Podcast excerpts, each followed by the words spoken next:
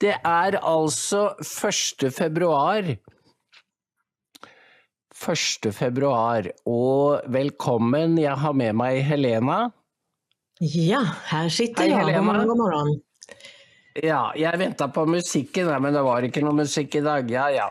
Så må jeg legge noe for denne dette Jeg blir sjøsyk av disse skyene som går og går og går. Eh, ja.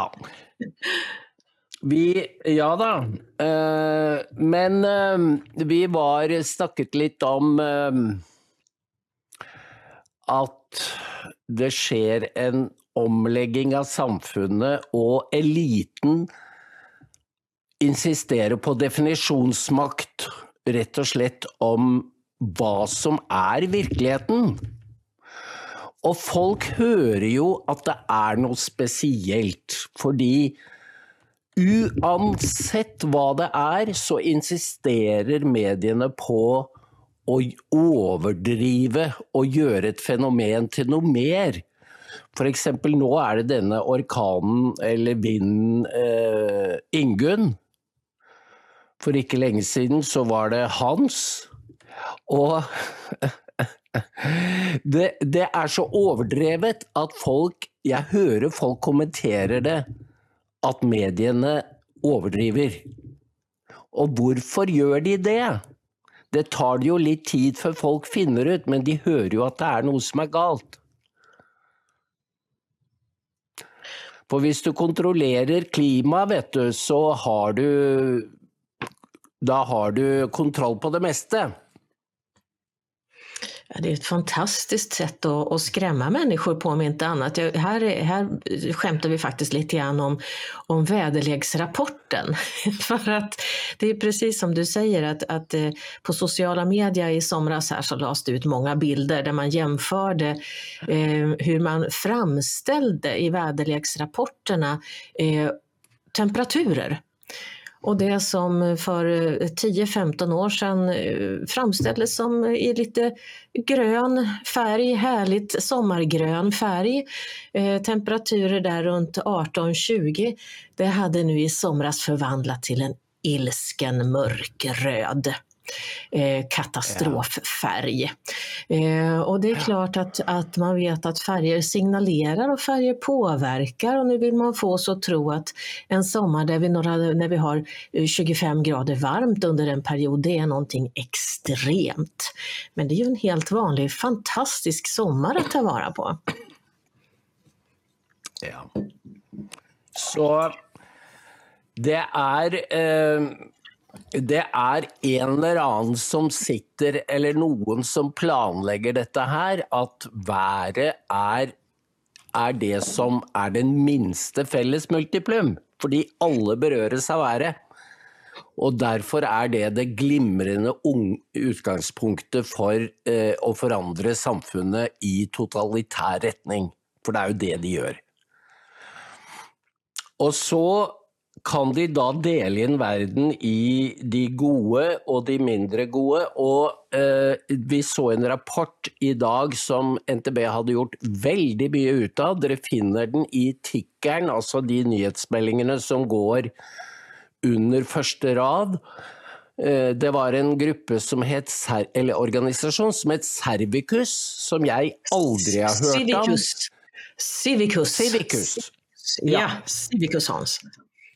Og du, Helena, har undersökt vad Civicus är för noe. Vad är Civicus? Ja, man kan väl säga så här att, att Civicus är en internationell organisation, eh, representanter från eh, många olika delar av världen. Eh, och man säger sig ju stå för, för demokrati och medborgerliga rättigheter, vilket ju är jättevackert. Precis lika vackert mål som deras hemsida är vacker och professionellt gjord. Så gå gärna in och titta. Eh, Civicus.org eh, eh, Och där ser man då en, en stor fantastisk karta på framsidan med länder där, där de här medborgerliga rättigheterna och friheterna är under attack. Eh, och det är nästan alla länder, eh, märkligt nog, där, där, eh, där människor lever i, under attack från, och och förtryck från myndigheterna. Och det här är ju i och för sig helt, helt sant på många sätt, men det är ju definitionerna här som är lite märkliga, eller, eller kanske inte. För när man börjar titta på det här, eh, och det syns faktiskt också i NTB-texten, eh, så handlar ju det här väldigt mycket om om ideologi, alltså vad anser man är eh, det normala? Vad anser man är eh, desired end state? Vad anser man är utmärkande för det här drömsamhället som, som Civicus har? Och det är ju ett i stort sett vänsterpolitiskt och identitetspolitiskt samhälle där de länder som till exempel eh, inte fullt ut eh, applåderar eh, alla hbtq-rättigheter eller, eller eh, eh, eller transsexuellas rättigheter. Ehm, då är, eller för den skull aktivisters rättigheter. Då är det eh, förtryckande, det vill säga det är ett, ett utslag av förtryck från staten om klimataktivister blockerar en stor väg, en stor infartsväg till Oslo eller Stockholm och polisen kommer och lyfter bort dem. Då är det enligt, så, så vitt jag har förstått här av Civicus definitioner, då är det här ett, en form av förtryck från staten. För Civicus vill eh, Eh, vill verka för att stärka eh, aktivism och rättigheter till aktivism, särskilt inom klimat och hbtq. Eh, låter det chockerande Hans? Nej, det gör inte det. Och jag såg, eh, de nämnde ju att demokratiet var lite beskåret i Tyskland och det de nämnde var det du säger där. Eh, pågripelse av demonstranter. Og da mente de ikke AFD, nei. De, de mente som klimaaktivister. Og de nevner altså ikke at tyske, eh, de største partiene i Tyskland går inn for at man ikke kan være medlem av AFD og være i offentlig tjeneste, og mange vil altså forby partiet, som er det nest største i Tyskland. Det får ingen bemerkning i denne rapporten. Og da, da skjønner du at det er en orwellsk eh, definisjon av demokrati. Det er noe som er i stadig forandring. Eh, man omdefinerer hele tiden eh, hvem som er hva, og det er bare de som er på riktig side som har lov til å bestemme. Ja, det är ju den eh, vägen som, som många länder är på väg. Jag, jag tänker på det här, just det här med, eh, nu börjar ju diskussionen att komma igång gällande eh, barn som har, har stympats för att, eh, så att säga, korrigera kön, som det heter. Eh, vi har ju ett antal länder i världen där det är förbjudet för föräldrarna att gå in och hindra en sån här sak även vad gäller då omyndiga barn. Det är alltså förbjudet i lag att gå in och hindra köns, att ens eget barn stympas. Ehm, och det är då någonting som är bra enligt de här organisationerna. Ehm, för mig är det inte det. För mig är det här eh, väldigt, en väldigt märklig definition av demokrati och frihet, så kan jag säga. Vet, sen, sen självklart att det ligger mycket i det de säger i, i andra frågor, men just det här har jag lite problem med. Det är ett skille du kan dra eh, som skiljer eh, denna nya ideologin och den nya verkligheten och eh, det som är det andra. Och det är nämligen skillet mellan det autentiska och det icke-autentiska. Fordi du kan si mye om Donald Trump, og du må gjerne hate han, men han er autentisk. Han står for noe autentisk. Den, den jevne kvinne og mann, um, og det han snakker om, er virkelige ting. Men det som demokratene og deres medier snakker om, det er fiksjon. Og det er fremfor alt ideologi og makt. Deres makt til å omforme virkeligheten eller samfunnet etter deres behag. Og det tror jeg er en av grunnene til at Trump er i så sterk medvind, fordi USA er i ferd med å gå i oppløsning. Og det er jo også våre samfunn, Helena. Mm. Ja, ja, vi hänger ju ihop. Det är ju en, en global värld idag eh, och det som händer på ett ställe påverkar eh, oss på andra ställen. Så är det och vi tittar ju mot USA ständigt och jämt. Och så var det en eh, Men det som är, man kan si, det är ju alltid i en, i en När en ideologi blir implementert, som det heter, så har du forskjellige grader. Du har forskjellige nivåer. Og det spesielle med denne nye, og som var det jo også med sovjetkommunismen, er at uh, man påtvinger Altså ideologien har forrang. Den har alltid mm. forrang fremfor også våre egne interesser, og da begynner det å bli veldig spesielt. Jeg vet ikke hvem som er verst lenger av Norge og Sverige, men nå viser det seg at eh, USA to ganger har bedt den norske regjering om å, om å gi verbal støtte til eh, straff, altså angrepene på hutiene. Men det har Barth Eide avslått, fordi det var ikke naturlig. Men det var vel naturlig når Norge har ti stabsoffiserer i da den operasjonen som skal avverge angrep på skipsfarten. Og NTB har også et stort intervju med en Furuholmen, jeg tror det er fra Rederiforbundet, som beskriver i detalj angrepene på to norske skip. Og det hvis den raketten hadde gått inn litt høyere, så hadde den truffet eh, det rommet hvor eh, 22 eh, sjøfolk lå og sov. Og da mm. hadde det ikke vært noe mer av dem. Mm. Så, og allikevel sier altså vår utenriksminister at det er ikke naturlig å støtte USAs avstraffelse av houthiene. Og da er vi fordi og da kan du spørre hvorfor. Fordi Barth Eide sier at vi vil vi satse på diplomatisk innflytelse på houthiene. Så vi är väl snart mer svenska än svenskarna, är vi inte det Lena? ja, och det, det, det, de norska försöken att, att använda diplomati har väl gått sådär hittills. Jag tänker naturligtvis på den famösa eh, konferensen med talibanerna eh, på Soria Moria. Eh, det har ju gått så där kan man väl konstatera. Så att ja, tydligen, det är ju så. Man säger det att, att göra samma sak om och om igen, det är ju tydligen definitionen av vansinne om man förväntar sig nya resultat av att göra samma sak.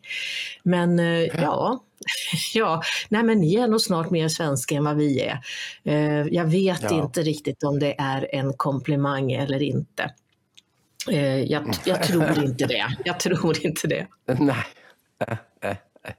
Men akkurat det risset du gjorde där, och se detta i sammanhang med invitationen av Taliban, det är det ju ingen norska medier som gör. För det är en sammanhang, men medierna är på Barth Eides sida och de är på Gazas sida och de är mot judarna och Israel. Och vi blir sugd in i denna folden. Och då hamnar vi på samma sida som Hamas. Ja, det är ju, det är ju märkligt det här. Det, vi har tagit upp det så många gånger. Det är så märkligt att, att våra länder våra, eh, och vår media inte förmår vara solidarisk med levande judar. utan är bara när judarna redan har fallit offer. Eh, nu går man samtidigt och, och ger press åt eh, folk som går och skrålar from the river to the sea eh, och eh, lägger ut eh, reels eh, om att, att eh, eh, Israel bara har existerat under ja, under efterkrigstiden här. Jag menar det, det är ju helt absurt det är fullständigt absurt.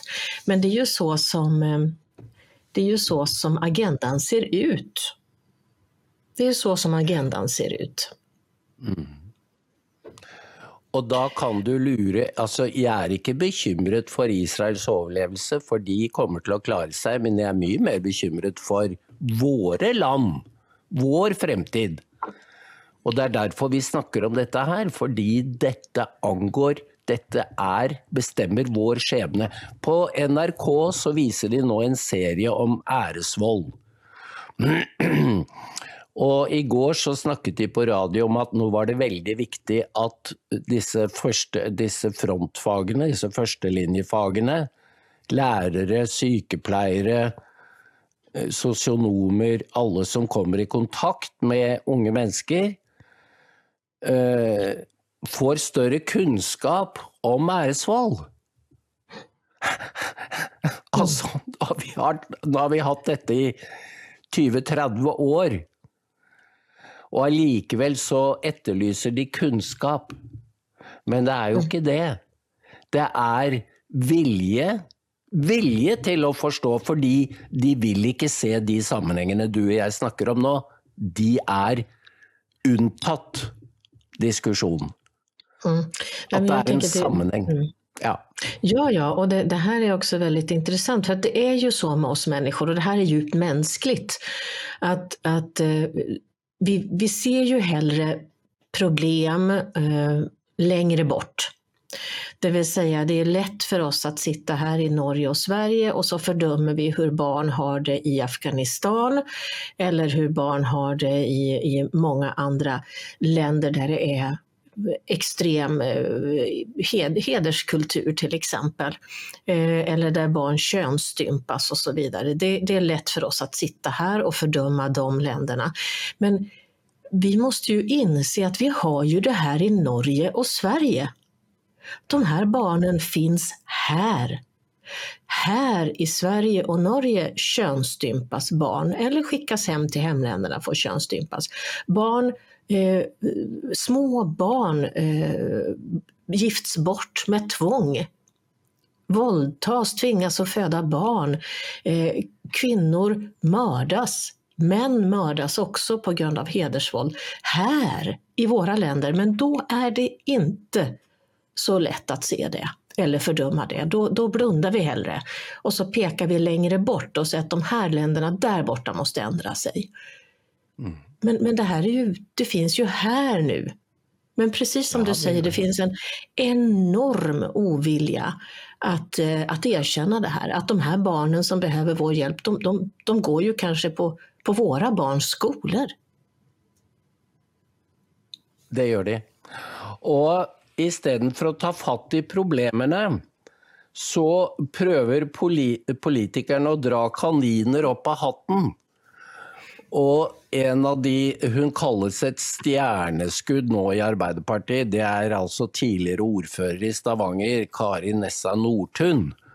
Hun er advokat av yrke og veldig pen og ren og smart i hodet.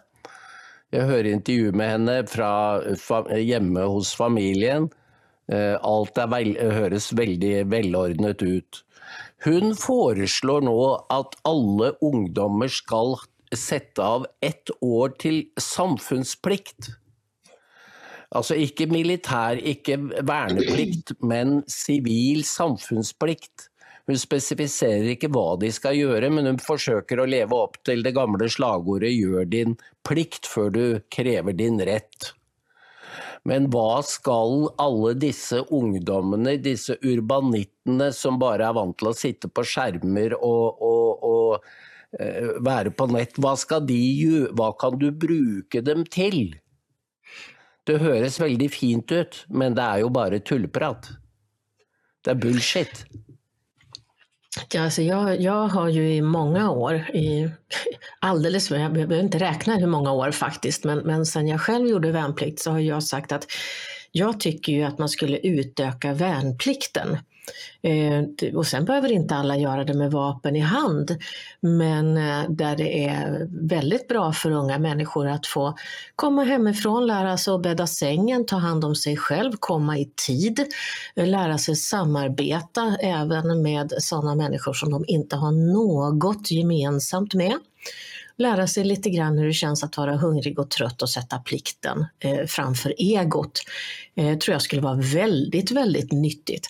Men risken med det här som, som, som du beskriver nu Hans, det är ju att det blir eh, att det blir mer av en ideologisk skola av det hela. Eh, jag tror att det är alldeles utmärkt att, att bo på ett logement eh, i ett år och lära sig att marschera och eh, äta mat man inte vill ha och vara lite hungrig och, och göra goda saker eh, för samhället. Eh, utbilda sig till brandman eller eh, ta hand om barn eller eh, lära sig sjukvård eller någonting sånt som kan vara väldigt nyttigt för samhället. Men risken är ju lite grann som du har varit inne på, att, att vi får en ettårig ideologisk utbildning i, i, i vad staten önskar att vi ska tycka och tänka. Under den tid i våra liv också när vi är som mest formbara. Och det är väl frågan om det är eh, vad vi önskar. Och då, då, vill jag gärna knyta tillbaka det vi pratade om tidigare om de här civicus. Eh, det är ju det också som, som de tycks stå för när jag tittat vidare här. Det är ju en, det är ju en organisation som, som verkar för globalism eh, och där man vill ha ett, ett världsstyre helt enkelt. Och eh, de som sitter och verkar för det här är, är unga, eh, unga människor, ideologiskt övertygade, som ska rädda världen. Mm. Eh, och eh, det är klart att låter vi våra ungdomar hamna i, i händerna på de här människorna, då vet vi inte hur det ska kunna sluta detta. Nej, och eh, vi vet alltså vi vill då losa våra ungdomar in i något som minner om det gamla DDR. För de hade ju Freie Jugend, eh, som var en eh, mildare utgåva av Hitlerjugend. Men eh, noe med noe av de samme trekkene, nemlig disse, eh, den ideologiske skoleringen. Og det ville jo da forhåpentligvis eh, samle både eh, gamle og nye landsmenn. De ville da være forent, for det var jo sånn de totalitære statene fungerte. At de var Det var ett et fellesskap. Men det var det nya fällskapet, inte det gamla. Det är mm. det de styr mot. Ja, det, det, som fascinerar mig det är ju det här att, att vi ändå, det heter ju hela tiden att vi inte ska göra skillnad på människor. Ehm, det, är inte bra att, att polarisera och splittra men i den här frågan så är det ju faktiskt det man gör. Därför att om vi tittar nu på, på de svenska, norska ungdomar, västerländska ungdomar som vars släkt har bott här länge och som är uppvuxna här, så är det på något sätt deras eh, och familjernas plikt att skolas in i det här önskade tänkandet, de här önskade värderingarna som staten påbjuder. Ja, men just det här med e-, en stor eh, en kritik mot Ungern och Orbán till exempel har ju varit att, att eh, de inte vill tillåta eh, föreläsningar av, av hbtq-aktivister i skolorna. Mm. Men samtidigt eh, som man då tycker att det är fruktansvärt att, att, att Ungern säger nej till det och säger att ja, men, nej, i Ungern så är det föräldrarna och familjen som har huvudansvaret för den ideologiska skolningen av barnen. Så säger man ju att vi kan ju inte kräva av av vissa grupper i samhället, eh, att, att de till exempel ska delta i all vår undervisning i skolorna som handlar om sexualkunskap till exempel eller ens idrott. Eh, och, och då är det väldigt viktigt. Ehm, och vi har ju islamistiska partier i Sverige nu, eller ett islamistiskt parti som driver de här frågorna stenhårt. Eh, och där är det helt oproblematiskt att exempelvis då eh, muslimska föräldrar eh, har rätt att förmedla sina värderingar till sina barn. Ehm, till och med vad gäller det här att, att eh, med tvång sätta religiös klädsel på småbarn på dagis. Ja. Så det är liksom så olika det här. va det, det, vi bedöms väldigt olika och det är ju lite food for thought tycker jag. Det är hela tiden inspel som demonstrerar att uh, det är en annan agenda än det de säger det är. Bara två exempel nu med och som visar att Norge är blivit mer svensk än Sverige. Og det ene er jo da forslaget fra Abid Raja, han er en av våre mest kjente innvandringspolitikere i Venstre, som foreslår Stoltenberg til fredsprisen.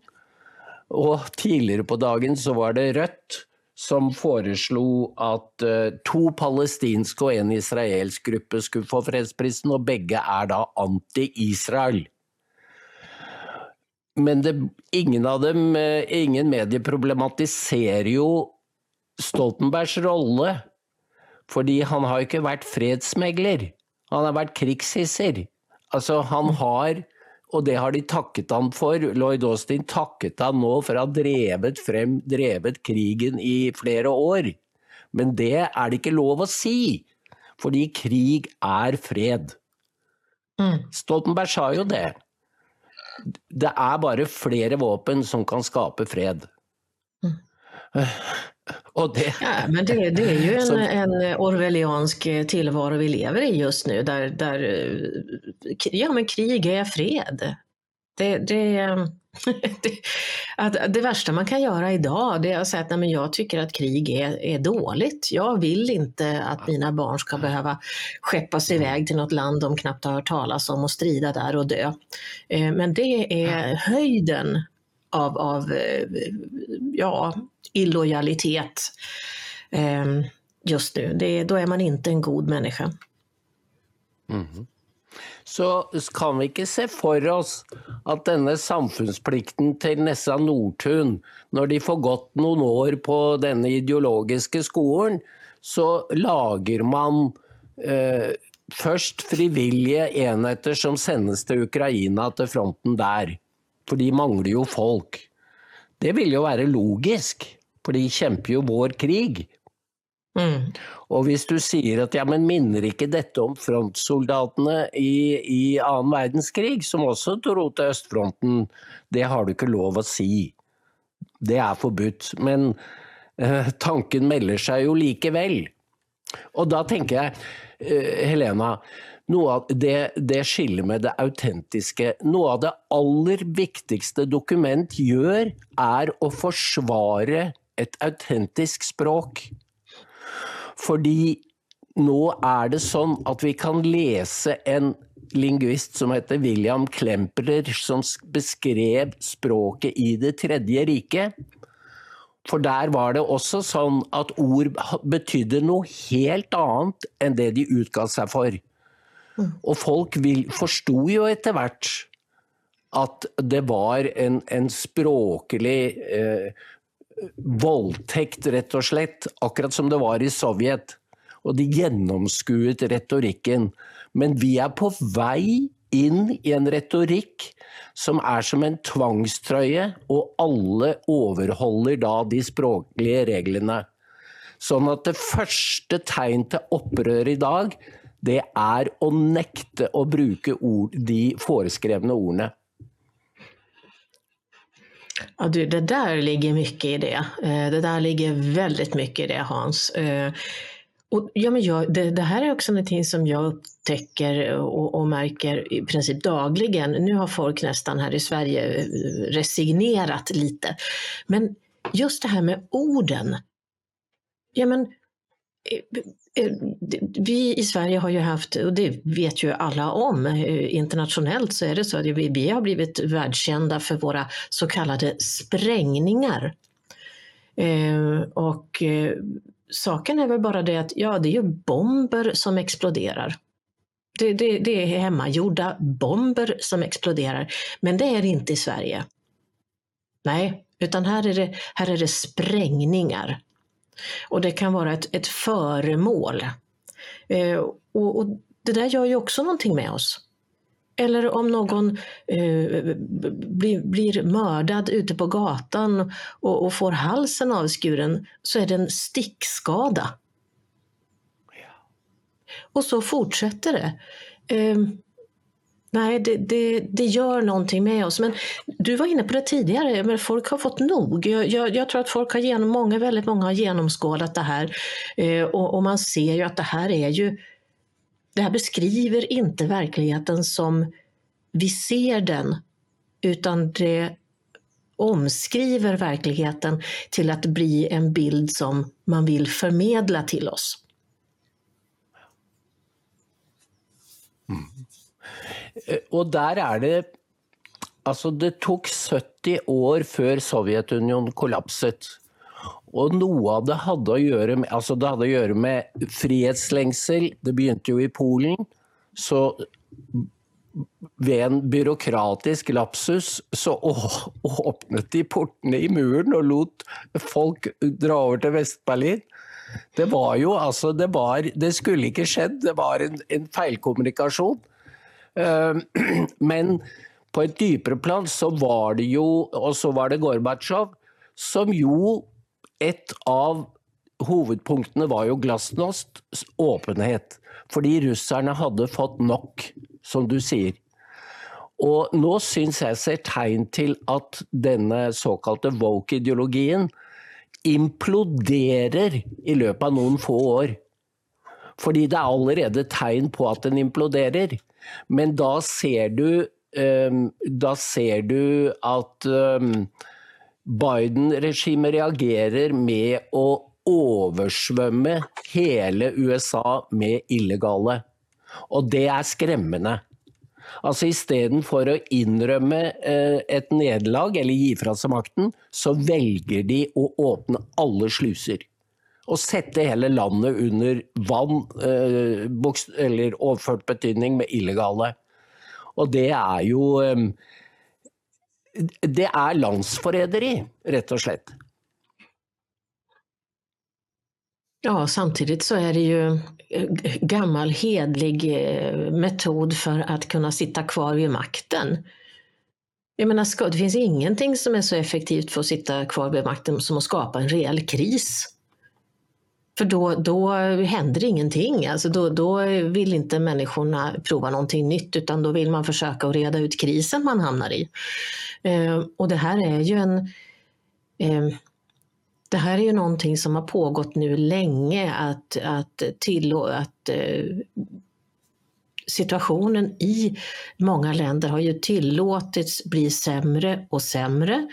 Och sen så gör man det möjligt för människor att, att lämna de här länderna på ett annat sätt än vad det har varit möjligt tidigare.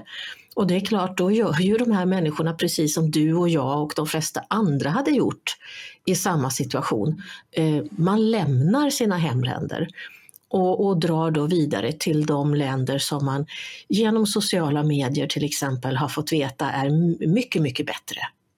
Eh, ett eldorado. Och då får man de här situationerna. Eh, så att eh, och vi får ju också höra hela tiden att de här, eh, vi, vi kommer ju få klimatflyktingar.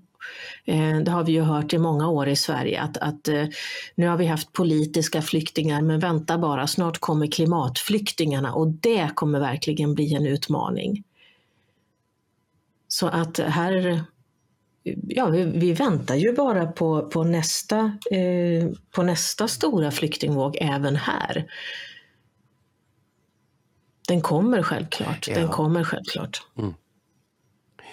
Det är, eh, och det rara är att um, denna kortslutningen mellan uh, verklighet och konsekvenser Fordi det kom också en lång melding att det ska være ett nytt presidentval i El Salvador. Og den presidenten heter Bukele, och han har fått orden på samfunnet fordi han har byggt svære fengsler og og eh, for tusenvis av innsatte. Og sett med, med raushet på eh, politiets fullmakter til å, å gjøre jobben og rense opp. Og det er jo Han sa nemlig han sendte ut en tweet, eh, Bukele, da Trump ble anklaget ved fire rettssak, risikerer 700 års fengsel. Nå har ikke lenger USA noen rett til å belære oss om demokrati.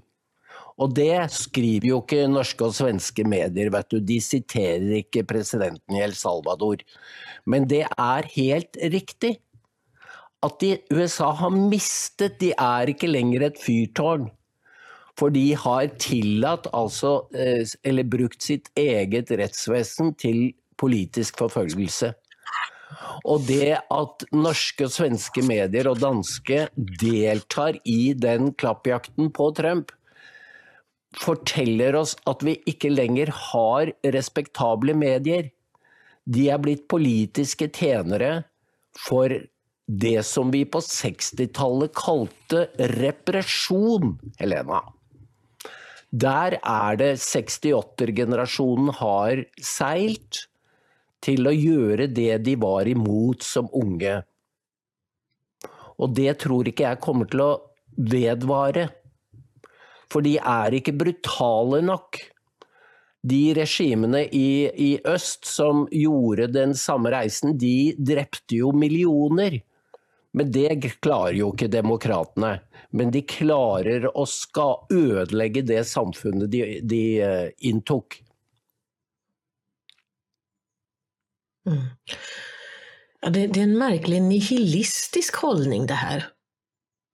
Alltså jag, jag, tycker det här är en lite nihilistisk hållning där man försöker, där man hellre förstör allt än mister ja. Alltså det vill säga, ja men det är lite grann som vi hade här när, när eh, Sverigedemokraterna kom in i riksdagen för första gången och, och eh, Fredrik Reinfeldt då deklarerade att han skulle ingå ett, ett samarbete med Miljöpartiet och öppna gränserna i princip för att provocera, göra precis tvärtom. Va?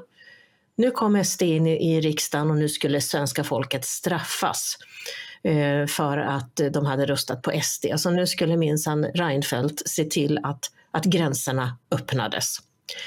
Eh, och det, det, här är för mig en, en nihilistisk hållning som, som också USA håller på med just nu. Att man, man ser hellre att allting bara faller samman. Mm.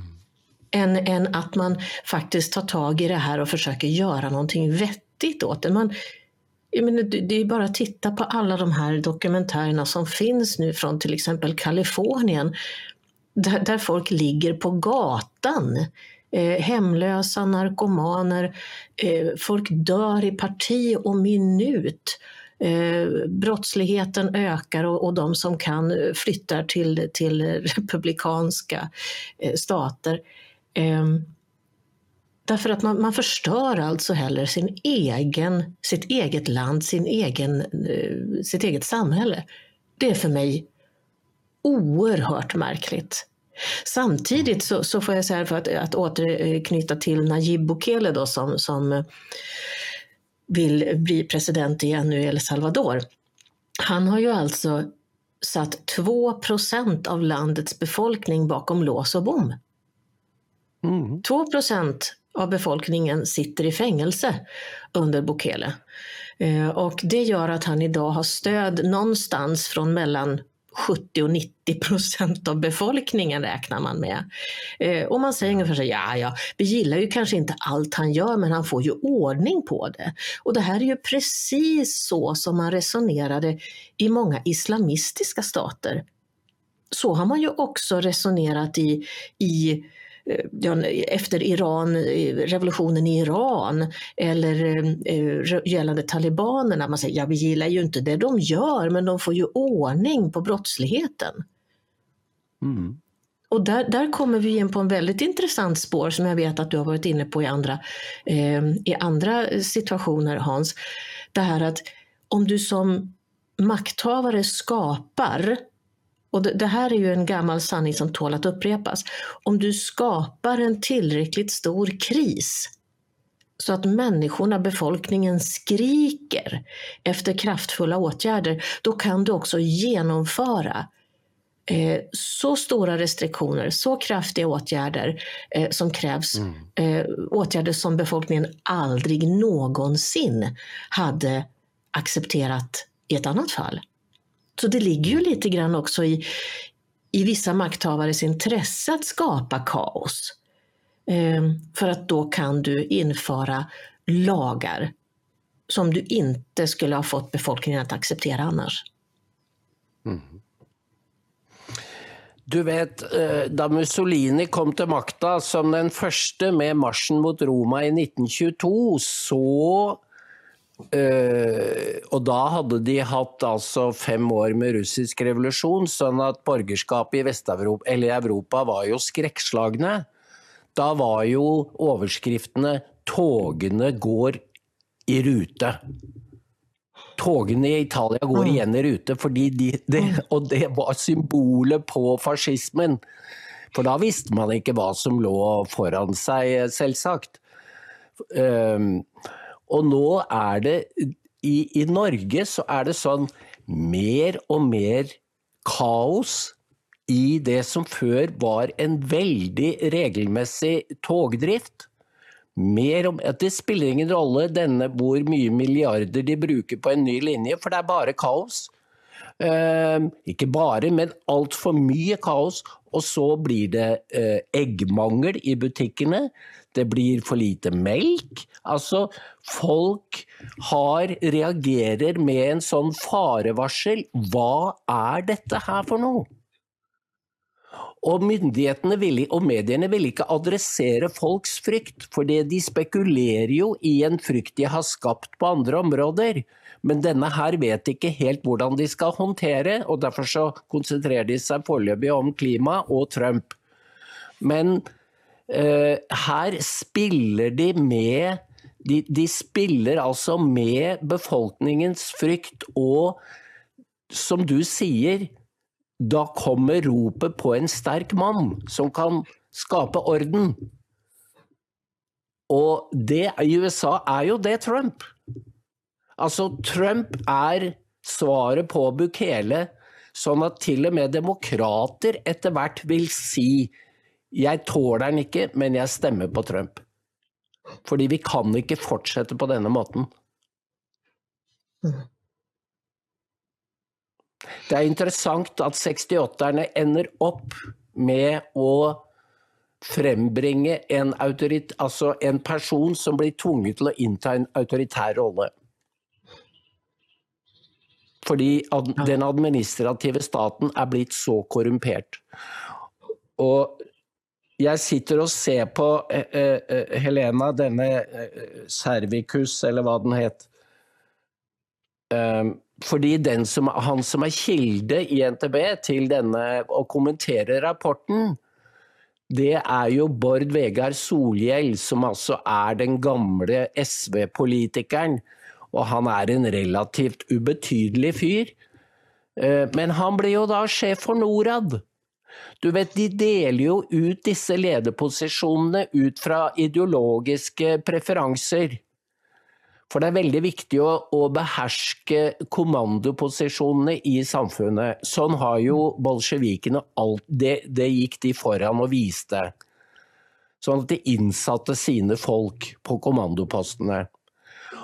Og så Jeg må bare si at jeg ikke kan ta telefonen.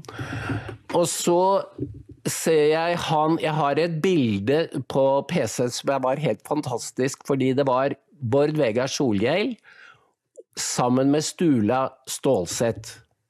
Han er altså sønn av den gamle Oslo-bispen Gunnar Stålsett, som også var leder for Kirkenes verdensråd. Forstår du? Dette er et nettverk av personer som begunstiger hverandre. Og nå har biskopen av Oslo varslet Kari Weiteberg varslet at hun går av. Og øh, hun vil tilbake til gata. Og da en av de aktuelle kandidatene er Sturla Stålsett, og han men han er svoger til Veiteberg. Sånn at her har du, hadde jeg nær sagt, incest og nepotisme. Fordi det er et trekk ved 68-kulturen. Det er narsissismen. Og jeg har tenkt på det ut fra hvem jeg ble gift med, at da jeg var ung, vi var hele tiden på utkikk etter noen som lignet oss selv. Og det er jo narsissisme. Mens kjærligheten er jo at man går etter motsetninger og en underlig kjemi mellom mann og kvinne. Men det gjorde ikke vi, fordi vi trodde at kjærlighet var en, en, en jente som lignet på oss selv, og hadde, for da fremfor alt hadde de riktige meningene, samme meningene som oss. Så vi kunne ikke være sammen med en konservativ.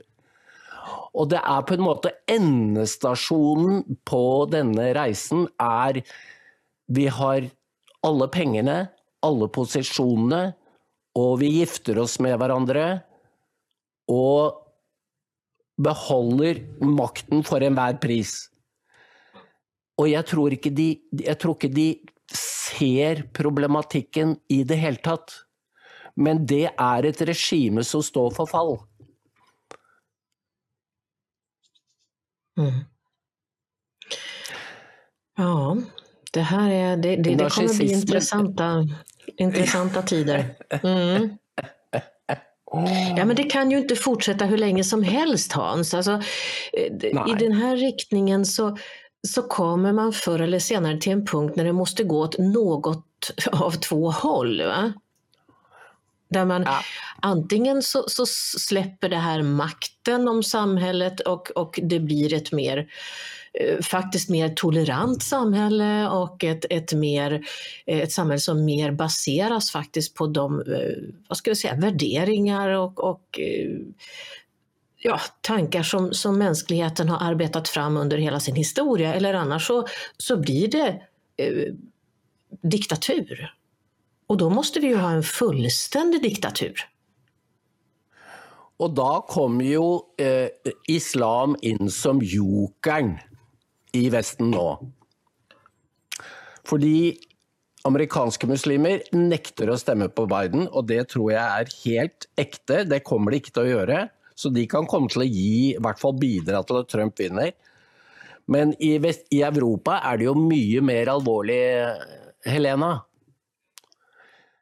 enn det er i USA når det kommer til islam. For her spiller islam en mye større rolle. Og jeg syns å se at politikerne rent fysisk har mistet noe av Altså når jeg ser på bilder av Ulf Kristersson, han er jo en liten pusling som Ja! Når ja, han står på scenen Han ser så puslete ut. Det er ikke det Sverige vi så for oss eller kjenner fra gamle dager med solide Feldin og eh, Altså Det er noe sånn eh, blodfattig eh, Forsøker å være litt flink, men det er jo ikke noe kraft. Ja, det er ikke noe kraft i det. Statsministern får ta med sig justitieministern så har vi någon som är, är, är stor och, och imponerande där. Nej, men sen är det väl så här att Ja, vad gäller, vad gäller i, islam, vi ska prata, nu kan vi prata islamism, för det är ju det som är det stora problemet. Eh, så finns det någonting väldigt märkligt som jag har diskuterat under en tid här med vänner och bekanta och det är det att islamismen går faktiskt skrämmande väl hand i hand med både den mer extrema formen av socialism och med högerextremism faktiskt. Alltså det finns, det finns kopplingar eh, till båda de här hållen från islamism. Alltså där, där eh, är man eh, kommunist eller, eller väldigt, eh, väldigt eh, socialist ut på vänsterkanten så kommer man att se saker i, i islamismen som man verkligen kan relatera till, till exempel den här kollektivismen. Det är någonting som är väldigt tilltalande för båda de parterna.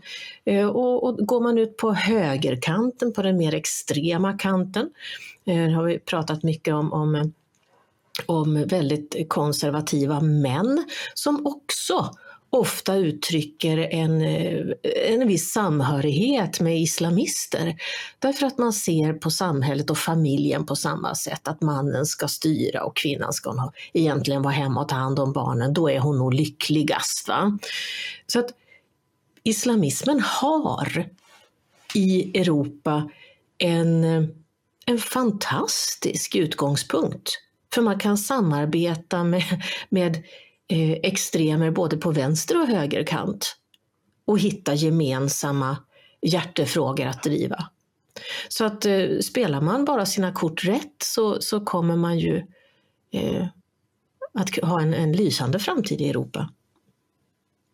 Är Sverige, detta med högerextrem och islam, det är, det är nytt för mig. Är det så att Sverige är ett laboratorium på det området? Jag menar, vad, vad är högerextremism? Det, det, är ju ett, ett väldigt misshandlat och, uh, ord idag. I Sverige så är man väl högerextrem ja. bara man är strax ja. till höger om, om Socialdemokraterna. Ja. Uh, så att det, nu pratar jag ju om de som är väldigt, om vi säger en, en, en klassisk konservativ, eh, lite patriarkal syn på världen och familjen. Eh, där jag faktiskt har sett bland vänner och bekanta män som har sådana åsikter, eh, sådana som jag känner till, att ja, men, man hittar liksom gemensamma värderingar. Man hittar gemensamma punkter där man säger ja, jag gillar ju inte islamism, men i det här fallet så har de ju en del poänger. Och, och då kommer ofta den här diskussionen om att ja, men vore det inte mycket bättre för samhället och, framförallt för kvinnor och barn om kvinnorna var hemma lite mer eh, och tog hand om barnen. För du vet, de är ju ändå inte lämpade att styra och, och vara chefer. Och titta här nu hur det ser ut på samhället när vi har gett kvinnor makt. Eh, då blir det så här. Och, och jag menar, jag har ju också en, en syn där på att, att Eh, eh samhället har blivit väldigt feminiserat, alltså i en, i en negativ bemärkelse. Men eh, jag tror att, att um, det är islamismens, den sanna isla, politiska islamismens smala lycka. Att de kan hitta vänner både bland höger och i vänstern. Mm. Och så är det en tredje faktor här och det är um, alltså eh, antipatien, för att kalla det det, mot jøder. Och där var det, da Katrine Winkelholm var leder for Trykkfrihetsselskapet, for dette går Da begynte diskusjonen om omskjæring av gutter. Og forbud mot det. Og um, jødene har en lang historie i Danmark. Og da var det altså Hun sa hun ble sjokkert fordi også da på, blant konservative, eh, nasjonalkonservative, så var det en del som når jøder sa men da blir vi nødt for å forlate Danmark, fordi selv sekulære jøder omskjærer guttebarna sine, fordi det er en skikk som viser at de er jøder. Så det å ikke gjøre det vil være det samme som å skjære over strengen til sin egen identitet for barna.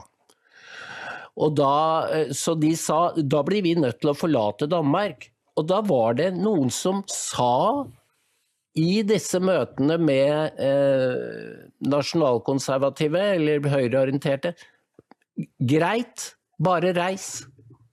Og det ble hun sjokkert over. Og det Jeg har jo merket det også i Norge, at eh, man er tilsynelatende enige om mange ting, men så kommer det til Israel, og så er det et agg. Og så er det et agg mot jødene. Selv Gro Holm i NRK gikk jo på en sånn historie om jødisk makt over mediene. Altså, så dette er denne antipatien og det det handler jo om, er jo en At man skyver vekk eh, Jeg mener jo man skyver vekk Gud, egentlig. Altså vår, det mest basale i vår egen historie er Abraham som bryter opp fra Ur i Kaldea. Altså, da har du Du har ikke tatt til deg ikke Abraham og ikke Moses. Det er ditt, og så kommer da Jesus senere, men altså det er det urfortellingene er Abraham og Moses. Og hvis du har det agget mot jøder, som har blitt gitt den rollen i historien, så er du på en måte i et slags opprør mot Gud. Og da kan jeg bare si at ja, men da kan jeg ikke hjelpe deg. Jeg kan ikke det, fordi det er du selv som må finne ut og avklare ditt forhold till vårt eget opphav. Mm. Ja, nej, men det, det, du säger är ju, ja, du sammanfattar ju. Eh, och, och jag skulle säga särskilt för oss som kallar oss kristna, eh, så är det faktiskt så att, att vi, vi, är, vi är satta att eh, att välsigna Israel. Nej, vi behöver inte välsigna allt som den israeliska regeringen gör, men Israels existens och Israels folk. Eh, och vi måste ju också, tror jag, ständigt påminna oss om att, att kristendomen, vi har våra rötter i den judiska tron. Jesus var jude. Ehm, ja. Det är bara så, det är på det judiska folket som, som Gud har byggt. Och, och det har vi bara att, att eh, att acceptera. Och, och, och eh, därför så är det omöjligt, menar jag, det är omöjligt att kombinera en kristen tro och antisemitism till exempel. Mm. Det, det, det, är inte kompatibelt, det går inte. Um, men den senaste tiden också har ju visat oss, tyvärr, eh, att den här extrema antisemitismen bara har legat och slumrat. Den har slumrat. Samma antisemitism som, som fanns i, i våra länder under eh, medeltiden, den, den, finns här idag fast den, den tar sig uttryck på lite annat sätt.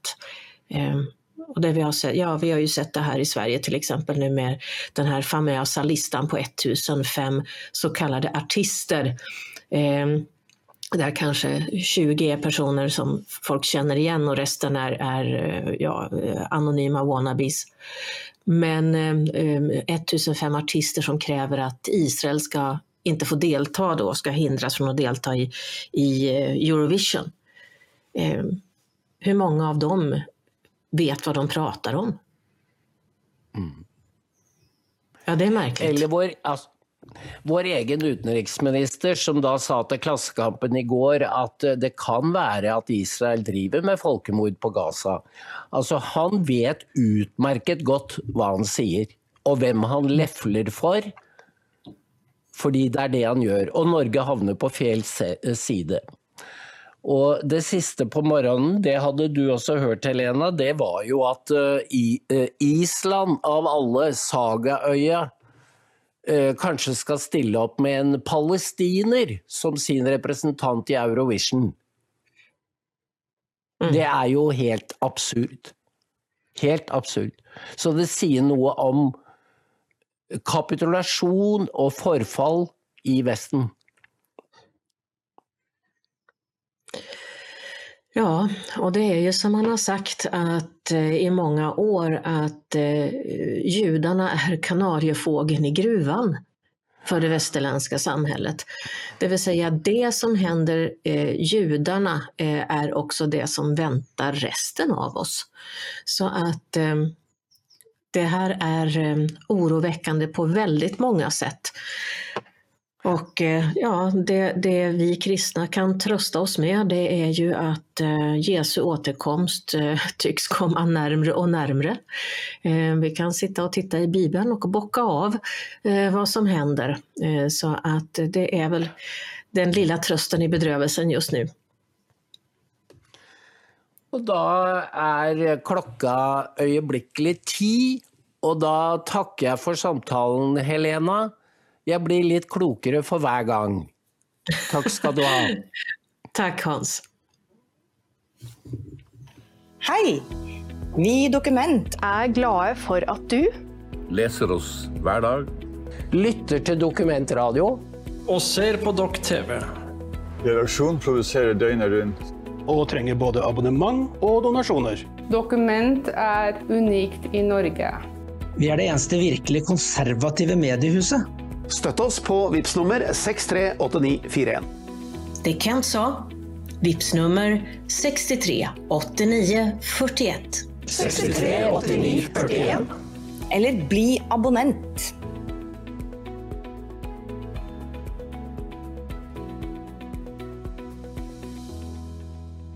Er du lokallagsmedlem? Mm, ikke det? Nei, da har du muligheten å melde deg inn. Velkommen til oss.